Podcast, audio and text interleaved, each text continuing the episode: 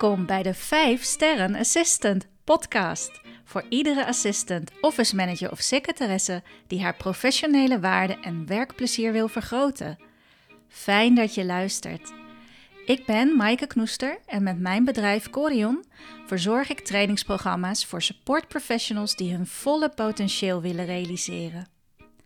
Bij de 5 Sterren Assistant podcast krijg je praktische tools, tips, do's en don'ts binnen jouw vakgebied. En doe je inspiratie op voor persoonlijk leiderschap en meer werkplezier. Hoeveel sterren verdien jij?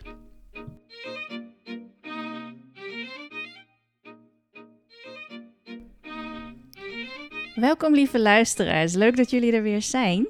Deze aflevering gaat over de verschillen tussen gewoontes en groei en tussen genoegen nemen met middelmatigheid en excelleren. Want misschien heb je het idee dat je niet jouw ware potentieel benut in je rol als secretaresse of assistant. Wellicht voel je je te weinig uitgedaagd of sta je al een tijd stil in je ontwikkeling. En daarmee zeg ik niet dat je middelmatig presteert of dat je middelmatig bent. Maar um, ja, je weet gewoon, er zit meer in mij. Het komt er niet helemaal uit momenteel, om wat voor reden dan ook. Je besteedt er misschien gewoon geen aandacht aan, hebt er geen focus op. En ja, wat er dan gebeurt, is dat je eigenlijk in een comfortzone bent gekomen van dagelijkse gewoontes. Hè, er zit een zekere voorspelbaarheid in, misschien ook wel wat sleur. En je voelt gewoon dat er iets schuurt. Hè? Er kriebelt iets. Je wilt verder groeien, nog beter worden, een andere richting op, uh, meer gemotiveerd zijn voor je job. Maar ja, wanneer ga je dat doen? Ben je er wel klaar voor? En hoe ga je dat dan doen? Na een periode van mijn eerste jaren als trainer gewerkt te hebben, kwam er ook stilstand in mijn ontwikkeling. Ik had mooie jaarwerkervaring opgedaan en heel wat trainingskilometers gemaakt, maar op een gegeven moment gebeurde me steeds vaker het volgende. En ik neem je even mee. Terug naar een maandagochtend dat ik uh, onderweg was naar een Regis gebouw in Amsterdam Zuidoost.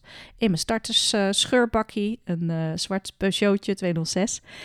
ik reed daarheen om een taaltraining Nederlands te gaan geven voor um, secretaresses. En dat was in opdracht van mijn werkgever toen. Zij hadden zich opgegeven daarvoor via een open inschrijving, dus ze kenden elkaar ook niet allemaal. En een van mijn favoriete onderdelen was uh, de kennismaking. Ook die ochtend. Ik zag elf nieuwe gezichten in de U-opstelling naast elkaar zitten. En zoals altijd was ik echt oprecht nieuwsgierig naar uh, wie iedereen was, waar ze vandaan kwamen, welke leervragen ze ook voor de training hadden. Na de kennismaking kletsten we nog wat over uh, een aantal avonturen die mensen hadden beleefd met het openbaar vervoer die ochtend. Nou, er werd uh, om gelachen, de stemming zat er goed in begonnen met de inhoud van de training en de ochtend vloog om. Daar uh, waren sommige deelnemers verbaasd over, want ja, training Nederlands kon natuurlijk ook heel theoretisch en saai verlopen. Terugdenkend aan uh, wat lessen Nederlands op de middelbare school. Niet voor iedereen even boeiend. maar uh, nou, deze manier van trainen, dat werd toch veel levendiger en boeiend ervaren.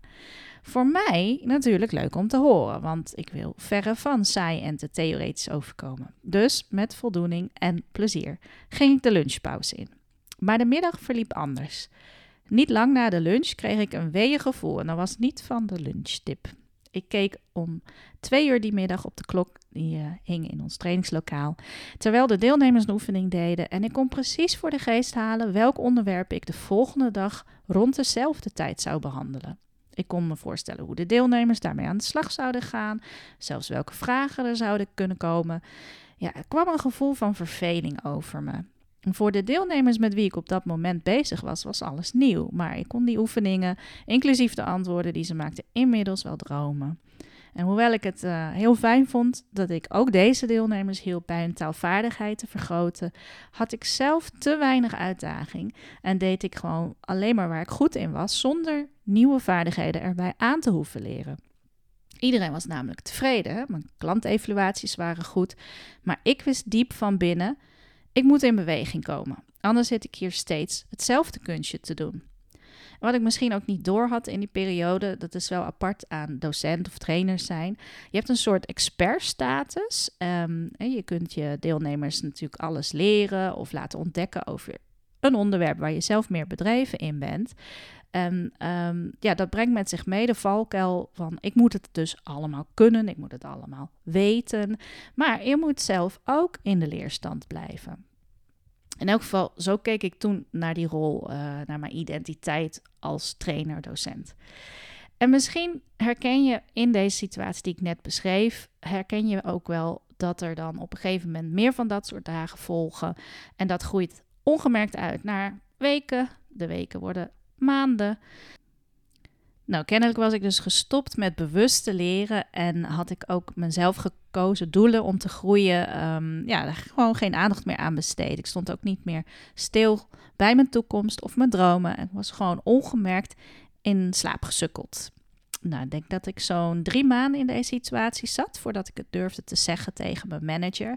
En we hebben ook nog gekeken naar uh, waren er op dat moment uh, groeimogelijkheden voor mij om wat meer andersoortige trainingen te geven, waar ik me wel in kon ontwikkelen. Maar ja, op dat moment was de markt gewoon zo dat er heel erg veel aanvragen waren voor taaltrainingen en voor die andere trainingen waar ook uh, andere trainers die er al veel langer werkt, ja, die moesten natuurlijk ook uh, weggezet worden. Dus er was, uh, er was geen plek om uh, verder te groeien. Ik was niet happy meer. Ik besloot om ermee te stoppen. Nog voordat ik een nieuwe job had. Maar hey, nieuw werk was er genoeg. In elk geval in mijn overtuiging. En al binnen een maand kon ik ook ergens anders aan de slag. Maar laten we nog eens inzoomen op die comfortzone. Dus in de comfortzone heb je genoegen genomen hè, met een middelmatigheid uh, of een bepaalde sleur. En je wilde natuurlijk aanvankelijk uitblinken in dingen en had enorme zin, enthousiasme voor je werk. Maar op dit moment is er misschien gewoon genoeg. Ook verder ben je gezetteld. Um, ja, dat geeft ook een bepaalde zekerheid, uh, structuur in je leven. Kortom, je hebt, een, uh, je hebt je plek. Misschien heb je zelfs een super team van collega's. Hè, dat maakt ook al veel goed.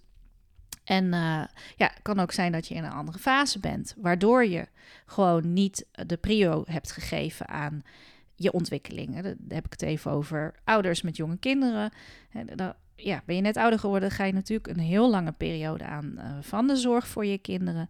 En dat geeft al zo'n ander ritme en een andere dynamiek om mee te leven. Dus dan is het voor de balans tussen werk en privé zo'n uitdaging dat je misschien wel even heel blij bent dat andere dingen gewoon ja, vanzelf gaan. En dit zijn dan herkenbare omstandigheden voor een aantal van jullie. Maar uh, het kan natuurlijk ook zijn zonder dat je de zorg voor iemand hebt. Uh, dat je gewoon lekker zit. Dat je het fijn vindt, de status die je hebt verworven. Het vertrouwen dat collega's je geven. Uh, het vertrouwen dat ze hebben in je capaciteiten. Ja, je bent goed ergens in. Dat geeft ook een zekerheid en voelt wel heel lekker, toch? vertrouwen. Maar het is tegelijkertijd dus ook een soort schijnvertrouwen, schijnzekerheid. Wat er in elk geval bij mij gebeurt na een tijdje eh, te comfortabel uh, gezeten te hebben. Uh, ja, misschien is dat ook herkenbaar voor iedereen die langere tijd in die comfortzone zit. Je bouwt ongemerkt weerstand op de leerstand op. Dus weerstand op de leerstand. En um, ja, daardoor kom je niet graag in onbekend gebied. Dus kun je ook niet iets heel nieuws leren. De leerstand vraagt juist van ons om ons open te stellen, kwetsbaar te durven zijn. En dat is niet zo comfortabel. En dat is heel interessant, want vroeger deed je niet anders op school. He, je school ook studie, stagiair, je eerste job. Het leven is tot dan toe één en al leren. Dus je weet ook van, hey, deze dingen kan ik nog niet, ben ik nog niet goed in. En dat is dan helemaal oké.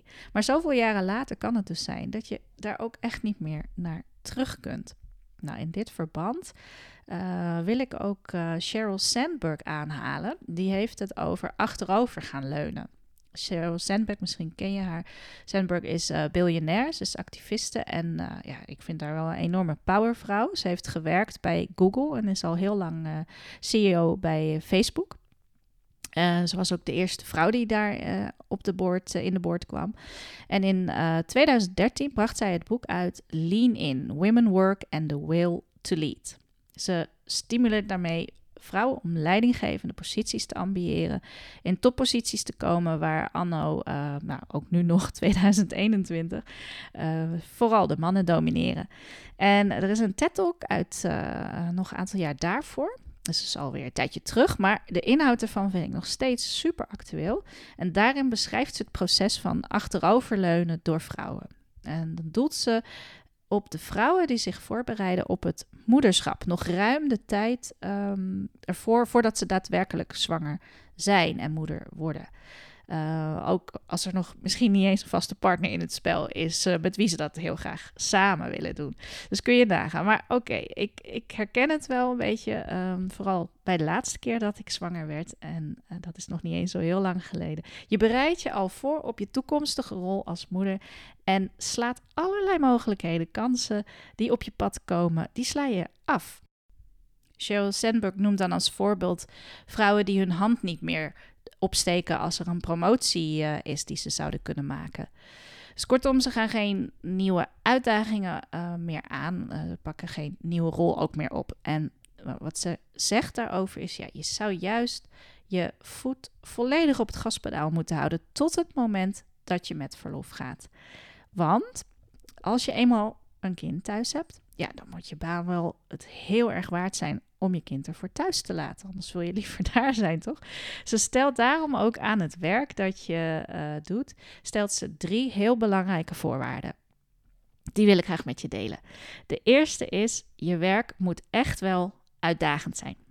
En de tweede is, je moet er waarde voor krijgen. En de derde is, je werk moet je het gevoel geven dat je het verschil maakt. Dus als je die drie dingen niet hebt, dan ja, waarom zou je jezelf dan de tijd met je kind ook uh, ontnemen? En ik denk, uh, ook als je geen kinderen hebt, speelt het net zo goed. Hè? Want je hebt wellicht een passie voor reizen, voor sporten of muziek maken, uh, goede boeken lezen. Nou ja, noem een andere hobby in elk geval. Je kunt er hele dagen mee vullen. En zijn ook allemaal hartstikke fijne, energiegevende bezigheden. En toch kies je ervoor om een groot deel van je tijd aan zinvol werk te besteden. Nou, wat heb ik gezien bij support professionals die wel in de leerstand gaan? Nou, die zie ik eigenlijk veel meer openstaan voor uitdagingen en ze krijgen daardoor ook meer taken toevertrouwd waarmee hun rol een hogere waarde krijgt. En door hun lerende houding worden juist zij voor nieuwe projecten of nieuwe rollen uh, en ander werk gevraagd. Ook al heeft een ander meer werkervaring of misschien zelfs meer deskundigheid. Dus zij ervaren zeker dat ze het verschil maken. En wat ik er nog aan wil toevoegen, het is nooit te laat om de keuze te maken volop terug in een leerstand te gaan. Hè, voor je groei te gaan en doelen te stellen om te excelleren. En dat heeft echt niet met je leeftijd te maken of met intelligentie, wat je al hebt bereikt of juist nog niet hebt bereikt, of hoe lang het geleden is dat je de leerstand uh, bent gaan loslaten.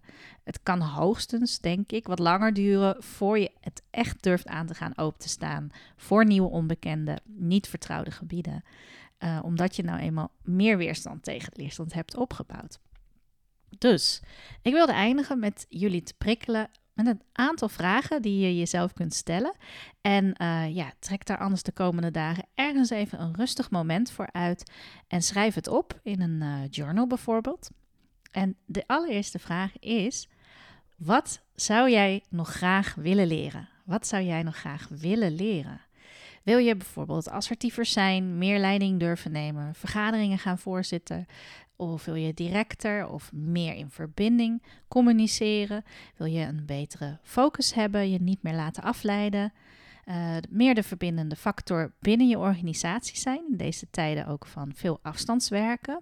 Of misschien wil je wel een andere taal leren, een nieuwe studie oppakken, noem het maar op. Wat zou je, als je de tijd en de middelen ertoe had, echt nog heel graag willen leren? En de tweede vraag Denk ook aan iets waar je nog te weinig kaas van gegeten hebt, een bepaalde vaardigheid of kennis van een specifiek thema binnen jouw vakgebied, waardoor je bepaalde taken vermijdt of waardoor je niet durft te gaan voor bijvoorbeeld een andere, meer uitdagende functie of een zwaarder takenpakket. Dus uh, de vraag is dan eigenlijk: waarin zou je je kunnen laten scholen? Ehm, denk aan een online training. Uh, denk aan iemand die jou een snelcursus uh, kan geven in iets. Of waarover je een nieuw boek kunt aanschaffen. Nou, dat uh, is dus misschien iets, niet zozeer wat je wenst te leren, maar waarvan je gewoon voelt van ja, weet je, als ik echt verder wil komen, dan moet ik dat gewoon ook tot me nemen. Dan moet ik daar deskundige in worden. En dat is hem dan voor nu, deze aflevering. En in een latere aflevering kom ik nog terug op hoe je gewoontes kunt veranderen om in een goede mindset te komen. En daarin geef ik ook heel concrete tips en voorbeelden van acties die je kunnen helpen om dat proces in te gaan en ook, ook te versnellen. Nou, ik hoop dat deze aflevering je herkenning en inzichten heeft gegeven uh, en dat het misschien zelfs iets in beweging heeft gezet. Als je erop wilt reageren, heel graag, heel leuk, kun je me mailen naar info.corion.eu of een LinkedIn bericht sturen. En de gegevens vind je uiteraard ook in de show notes bij deze podcast.